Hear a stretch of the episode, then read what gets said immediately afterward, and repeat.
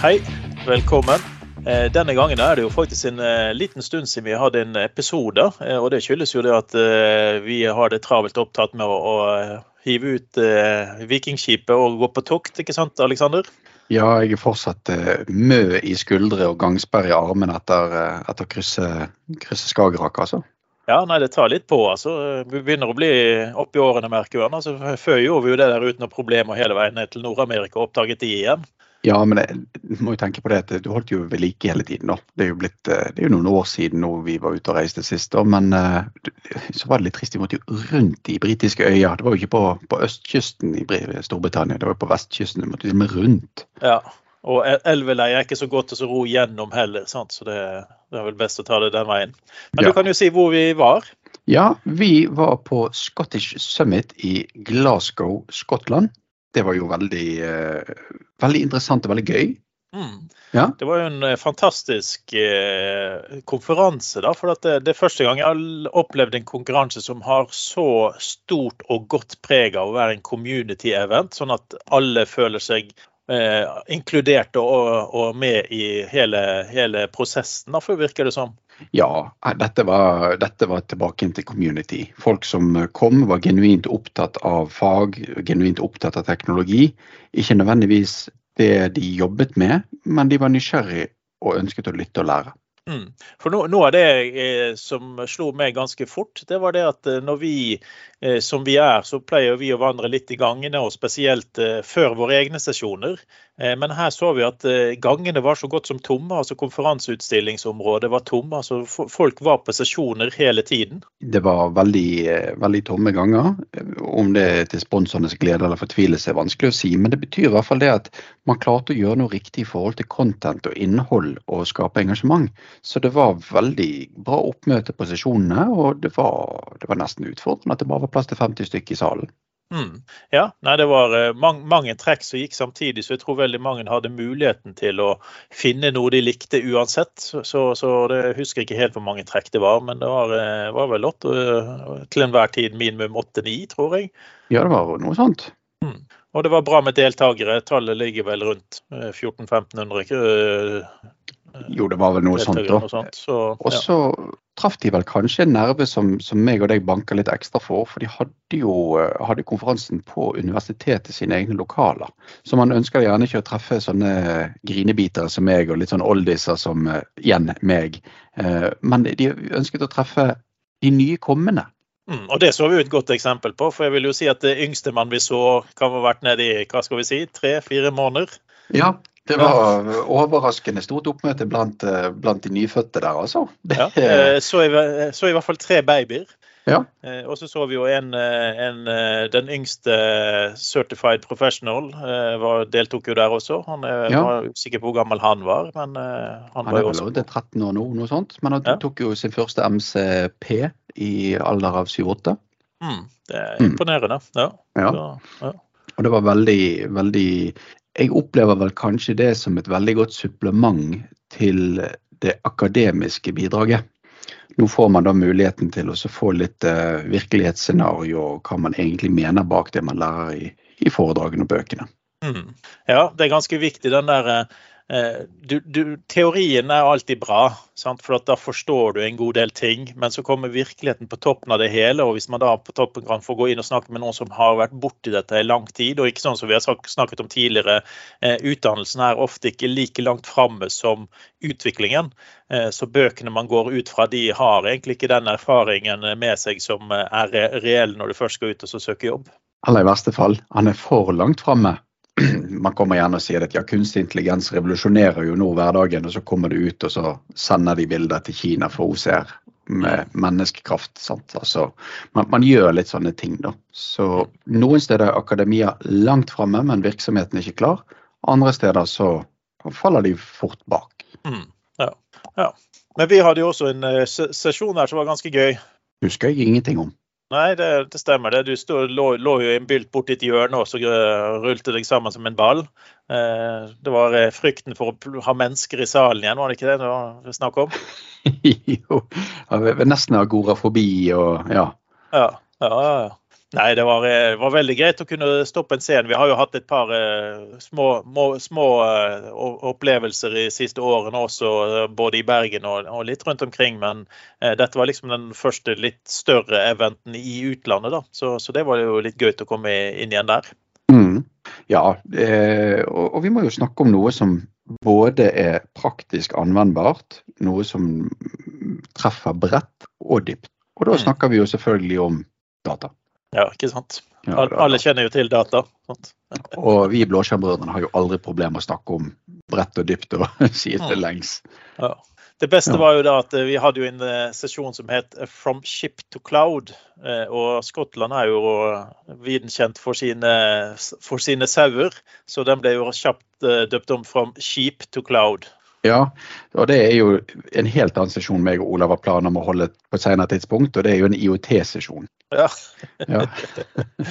ja. det var en god, god inspirasjon for eh, neste, neste, nivå av en, eh, en sesjon der, ja. Uff, her fikk jeg plutselig assosiasjoner. Det er det egentlig IOS står for? Internet of Sheeps. Internet of Sheeps, ja. ja, ja. kanskje. Send en forespørsel inn og så sjekk om det er den offisielle for, forkortelsen. Ja, CV-flokken. Ja, ja, ja. Men når vi snakket om Sheep eh, to cloud, eh, så hadde jo vi delt inn i, i fem eh, forskjellige lag, eller nivåer. Det blir vel kanskje litt, litt, avhengig av hvordan du skal se dette. Vi liker jo lag og nivåer som et konsept, men det, det er i hvert fall fem forskjellige områder hvor sikkerheten havner inn. Og vi tenker helt fra chipen på det du sitter på, til skyen. Det begynner jo egentlig veldig enkelt med det at du må sikre maskinvaren, operativsystemet, applikasjonen, brukeren og data. Mm. Og det som er veldig interessant, er det at tradisjonell IT har jo gjerne gått veldig hardt og høyt ut med det at du er nødt til å tanke PC-er, du er nødt til å ha golden reference image, du må ha den oppdatert, og vi skal skru igjen med GPO-er. Mm. Men uh, man har gjerne ikke praktisert noen form for sikkerhet på identitet. Multifaktor er jo egentlig en ultramoderne ting som knapt nok noen har slått på. Um, jeg, jeg, vet ikke, Hvis du skulle tatt en sånn wild guest ut ifra de som vi prater med, hvor mange er det som har multifaktor påslått i sine lokale AD-miljøer? I, I, de lokale AD-ene så er det vel eh, minimalt om noen. Det er, det er sånn type sykehus, helseinstitusjoner og den typen ting som har slått det på. Men der har du ikke en innebygd funksjon, som er litt synd. Altså den, mm. den MFA-en som kom i Ashore AD, den burde vært enklere å integrere i det du har på maskinen din, sånn at du kunne få det på plass. Ja, det, en, en, det hadde jo vært en lisens i seg selv, det å kunne ha hybrid uh, Azure AD-join på Connecten der, sånn at du bare fikk multifaktor på lokale AD-en din. Det, det, vi ser nå som da er eh, det vi gjør når vi kommer til det nærmeste brukeren, altså maskin til brukeren, eh, siden vi da ikke har multifaktor nødvendigvis på operativsystemet, det er vel gjerne noe som vi satser på er på vei. Eh, og det er delvis på vei eh, i form av at du kan få chipper på hardwaren din Eh, som kan sørge for at eh, du legger på sikkerhetsnivåene på en litt annen måte, men tross alt du får, får sikret hardwaren du sitter på. Da. Og Spesielt når vi snakker om Windows devicer, som vi fokuserte i denne omgangen på. Ja, for Én ting er jo det at eh, prosessorer, hjernen til datamaskinen, den gjør egentlig det den får beskjed om. Så hvis den henter informasjon fra adresse 105.252, så er det nettopp det den gjør. Om man egentlig burde gjøre det, er en helt annen sak. Så essensen bak dette er jo å sørge for at du klarer å få prosesser til å bli bevisst sine egne sikkerhetshandlinger. Både med mm. kryptografinøkler og sørge for det at du har en integritet som gjør at plattformen din ikke er blitt kompromittert før oppstart, etter oppstart og i kjørende kontekst. Mm. For Da snakker vi om funksjonaliteter som f.eks. firmware attack surface reduction, som sørger for at all firmware som blir startet opp, skal være trygg å kjøre og verifisert med sertifikater. Ja, og, og jeg elsker å prate om Xboxen. Det er Alle som har lyttet til podkasten opp gjennom tidene, vet det at uh, du skal ha Xbox bare for å støtte videre sikkerhetsutviklingsindustri. Men uh, de begynte jo med dette i Xbox 360 og har fortsatt med dette i Xbox One og Xbox Series-seriene sine. da. Så det man gjør der, er jo det at man starter en virtuell maskin, sjekker integriteten til alle firmaene og sertifikatene her, før man får lov til å starte videre. Så dette er jo en veldig god måte å illustrere hvor enkelt man kan gjøre disse sikkerhetsvalideringene på. Men så er det komplekst. Ja. Og det er dette som ligger under Virtual Based Security. Og i en Xbox 360 så er jo fordelen det at dette er slått på, det fungerer, det er testet ut. Du kan ikke modifisere det, du kan ikke slå det av. Og du kan ikke slå det på nødvendigvis heller, for det, det er der. Eh, men hvis vi ser på eh, forskjellen med Windows 10 da, kontra en eh, Xbox 360, så, så, var det det at mange av mulighetene har kommet på plass. Men samtidig så måtte du huske å slå dem på, f.eks. Secure Boot, Credential Guard, Device Guard, Application Guard, System Guard og så alt mulig. Sandboxer. Det måtte du slå på på PC-en, men det var på på Xboxen. Og, det var jo egentlig jeg holdt på å si, motsatt av hva man ønsker, for man bruker kanskje ikke Xboxen til så mye essensielt spesielt som man bruker PC-en sin til.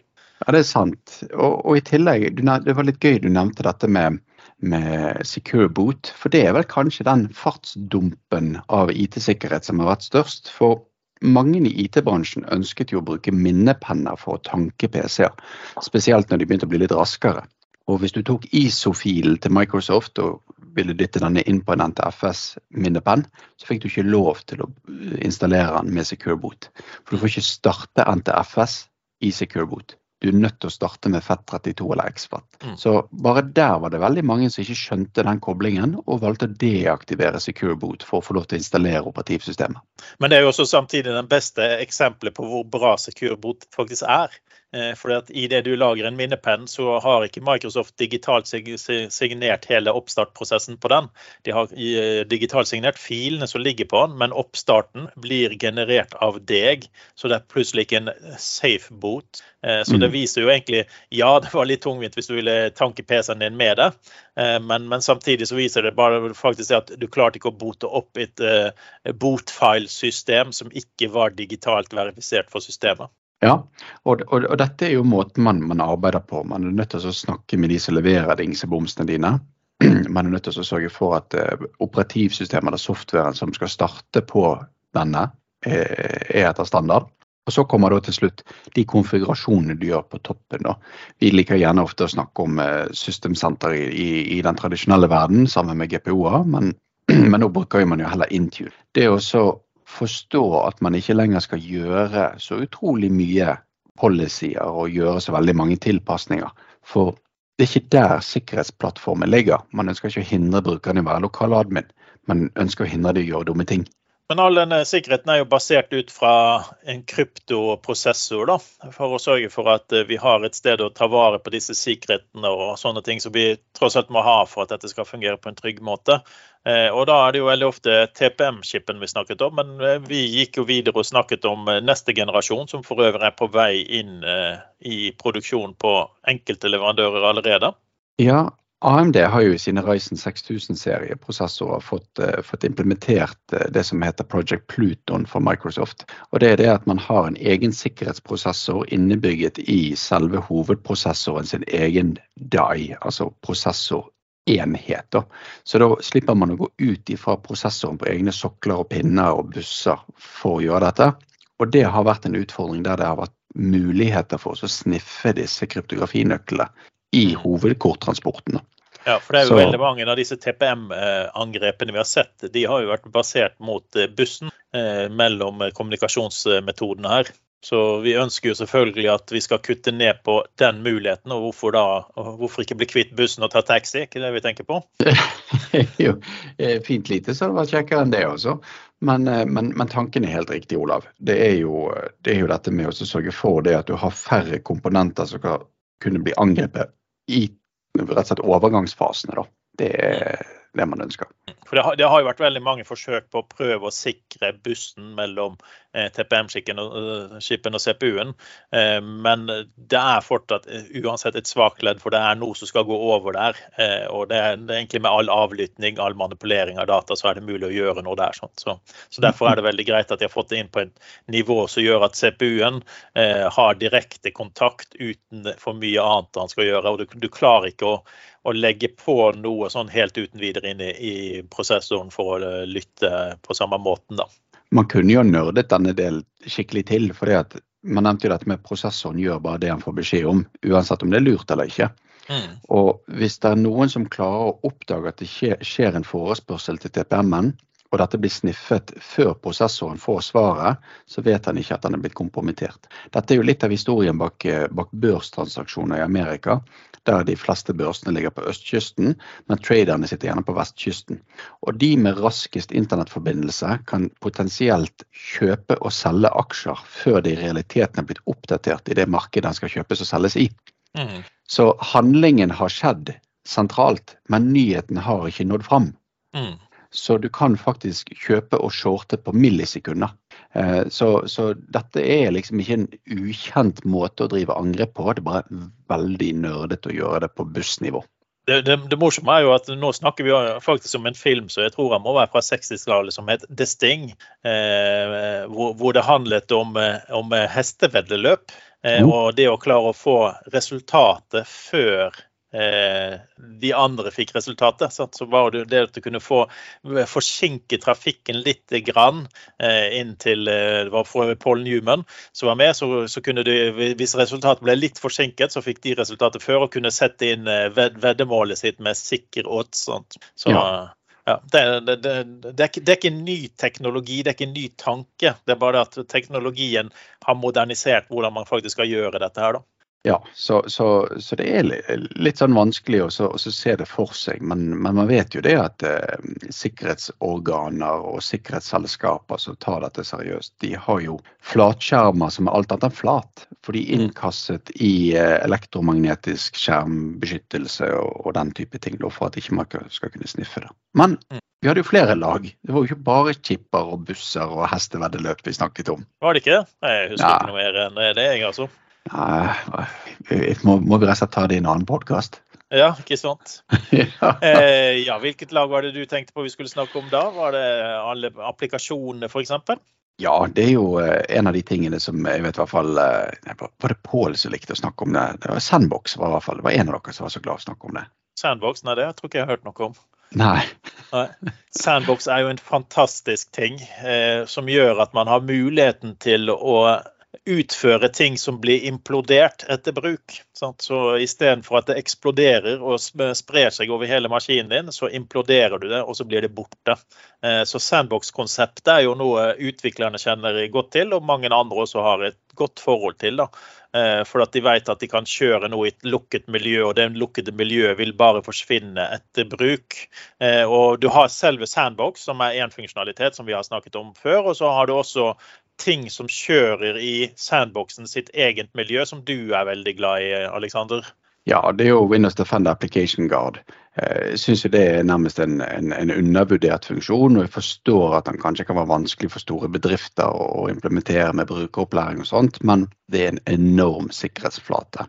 Spesielt hvis du har E5-lisensene, altså Security E5 eller M365 E5, sånn at du kan beskytte eventuelle Word og Office, altså alle Office-dokumenter som kommer fra usikre kilder, så startes de i en sandbox. Brukeren merker ingenting. De ser det som et, eh, en fullverdig versjon av Word eller Excel eller PowerPoint. Men hvis det er et eh, makroangrep der, så skjer ingenting på hosten. Mm. Den er fin. Ja, det er veldig fantastisk. Og det, det, at han skiller mellom trusted og untrusted sources, er jo det som er det beste her. For da kan du faktisk si at dette her er dokumentet kjenner vi ingenting om, så derfor skal det kjøres i et lukket miljø. Og så er det opp til brukeren hvordan han håndterer det videre. Du kan forhindre copy-paste, og du kan gjøre en god del sånne policy-styrte ting. Eh, men det kan også være lovlig med copy-paste, sånn at du faktisk kan få dokumentinformasjon over et annet dokument, eller du kan si at vi nå stoler på dette dokumentet. Det er en god del uh, morsomme funksjonaliteter inni deg. Bare det du påpekte der med, med copy-paste. Du kan sørge for at ingen makroer er i stand til å lese det som ligger i clipboarden din. Mm. Så hvis du har kopiert ut veldig mye, og spesielt nå så klarer clipboard er blitt, eh, blitt, så populært, så kan du sørge for at de ikke får tilgang til utklippstavlen din. Mm. Ja, det er jo veldig bra. For at uh, enkelte har jo lært seg den funksjonaliteten at du kan, uh, du kan feste noe til uh, clipboarden din. Eh, sånn at du har det der hver gang du skal ta Windows-tasten og V for å lime det inn igjen, så har du faktisk muligheten til å ha visse ting liggende der. Eh, og det man ikke bør ha liggende der, det er jo passord. Eh, for da kommer du akkurat inn i det du snakker om. Hvis de klarer å lese clipboarden din og klarer å hente ut den informasjonen, så har de plutselig sett hva som ligger i copy-pasten din. Så det er veldig bra at makroer ikke kan tømme copy-paste-funksjonaliteten din. Ja, og det er, det er, mye mer utbredt enn man tror Det er bare det at det får veldig sjelden konsekvenser. Så, så det å sørge for at man klarer å hente ut sikkerhet på det laget og de nivåene du føler at er viktig. Enten må du beskytte applikasjonene hardere, eller så må du beskytte operativsystemet hardere. Er ikke det riktig, mm. Olav? Ja, det er helst begge deler man skal beskytte hardest mulig, men man skal jo ikke drepe funksjonaliteten. Sant? Eh, så da blir det veldig ofte hvilket lag man bør ligge seg på. Sant? Og det å beskytte eh, dataen og eventuelt applikasjonene kontra å beskytte devicen, gjør jo at det er lettere å ha en blanding av hvilken device man har lov å ta i bruk i firmaet. Altså Istedenfor å låse det ned til å si at du kommer kun inn med en Windows-godkjent eh, PC som er medlem av vår Ashore AD. Da føler jeg at vi har en trygghet der. Så kan vi heller begynne å tenke tenke at vi tar de forskjellige lagene, da, som applikasjonen, og så sikre den, eller dataen og sikre den. Så. Ja, og da kommer vi inn på dette med brukere, og beskytte brukeren. For én ting er jo å sørge for at brukeren skal få lov til å gjøre veldig mye hvis det er noe på en typisk brukerapplikasjon som er kjent for den brukeren, for en PC som brukeren har brukt før.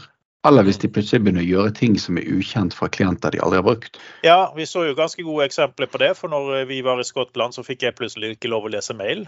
Det er et godt eksempel.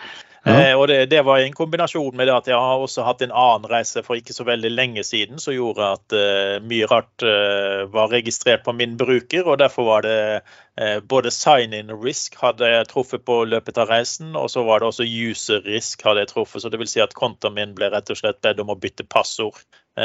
så og det, Der kom vi inn på et annet stort problem. For bytter jeg passord, Aleksander? Eh, nei. nei. Jeg kjører passwordless. Ja. Så jeg har passwordless på nesten alt jeg jobber med. Så jeg har et passord, for vi har jo mye legacy, men jeg jobber sjelden legacy. Jeg jobber i skyen, så passordet mitt det var satt med sånn 20 forskjellige tegn for eh, lenge siden, og jeg hadde glemt å oppdatere password-appen password, uh, min, så jeg hadde det ikke liggende noen steder, faktisk. Bare innrøm det. Du hadde ikke med deg Post-It-lappen? Nei, jeg hadde ikke med keyboardet med Post-It-lappen under. Sant? Så det er siste gang jeg reiser uten å ta med meg tastaturet mitt. Ja. men, men, det viser jo egentlig at det fungerer sånn som det skal, for dette var jo mistenkelig reise. Og spesielt så lenge systemet ikke hadde lært seg det at eh, han Olav han er litt mobil. Eh, for vi har hatt så lang tid nå hvor brukerne våre ikke er mobile, så jeg tror at vi vil se det at ganske mange begynner å komme opp på low og medium risk-nivå i identity protection hvis du har slått det på, pga. at vi har vært vant til at de sitter enten på kontoret eller hjemme, og mest hjemme. Så, så, de har ikke vært så mobile, og så plutselig nå løper de rundt hele verden for å få med seg opplevelser. Sant? Jeg gleder meg til den dagen å logge på kontoret til Impossible Travel. Ja, sant. Ja. Hæ, er Alex på kontoret? Det må ja, være en feil. Nei, det, det, kan umulig stemme. Ja. Har aldri sett ham på kontoret før. Mm. Ja. Men det er i hvert fall eh, sånn det grove sett eh, det vi snakket om. da. Eh, vi kommer vel forhåpentligvis tilbake med noen videoer hvor vi kan demonstrere noen av disse funksjonalitetene over sommeren. Men, men det kan vi komme tilbake til hva som skjer etter sommeren når vi har vår siste sommeravslutningsepisode om ikke så altfor lenge. Ja, Vi har jo kjøpt et restlager med VHS-kassetter som vi skal spille inn på. Ja, det stemmer. Vi må, vi må, komme oss ut på VHS. Og vi fikk god deal på Betamax, eh, men vi klarte ikke å finne rekorderen, så vi er litt usikre på om vi kan eh, bruke de Betamaxene. Ja, så, så eh, ta også kikk innom den nærmeste miksen og videoutleieren når tiden kommer, for det kommer noen videoer på, på senhøsten. Ja.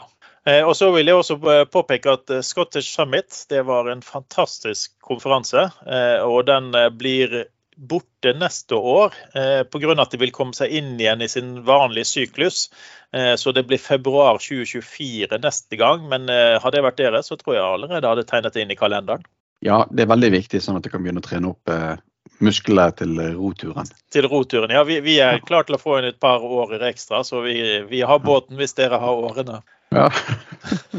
og så må vi også passe på å si at dette er også en community gratis event. Det, det, glemte vi å si også. Så, så det at eh, du faktisk må reise til han, eh, det er ikke så farlig når du tenker på at du faktisk eh, får gratis inngang. Med, det var veldig god lunsj faktisk når vi var der. Så det, mm. det er helt klart vært veldig godt program. Så det er verdt å ta seg en tur der og, og heller bruke pengene på reise enn nødvendigvis å betale seg inn på en konferanse som koster penger og ikke gir like mye som ikke har reiseutgifter. Så det, det er den pluss-minus-situasjonen man kan se på. Ja, absolutt. Og uh, hvem har ikke lyst til å ta seg en tur for å smake mer haggis? Ja, ikke sant. Du klarte jo å få i deg én bit haggis. Du var rimelig grønn etterpå, Aleksander. Og det var vel ikke rar i biten heller, men eh, du kan jo skryte på at du har gjort det. Ja, when in Rome, osv. Ja. Ja. Når du er i Skottland, så spis haggis. Det er det man sier. Men da sier vi vel takk for oss for denne gangen. Takk for nå, Olav. Alltid hyggelig. Alltid hyggelig. Ha det. Ha det.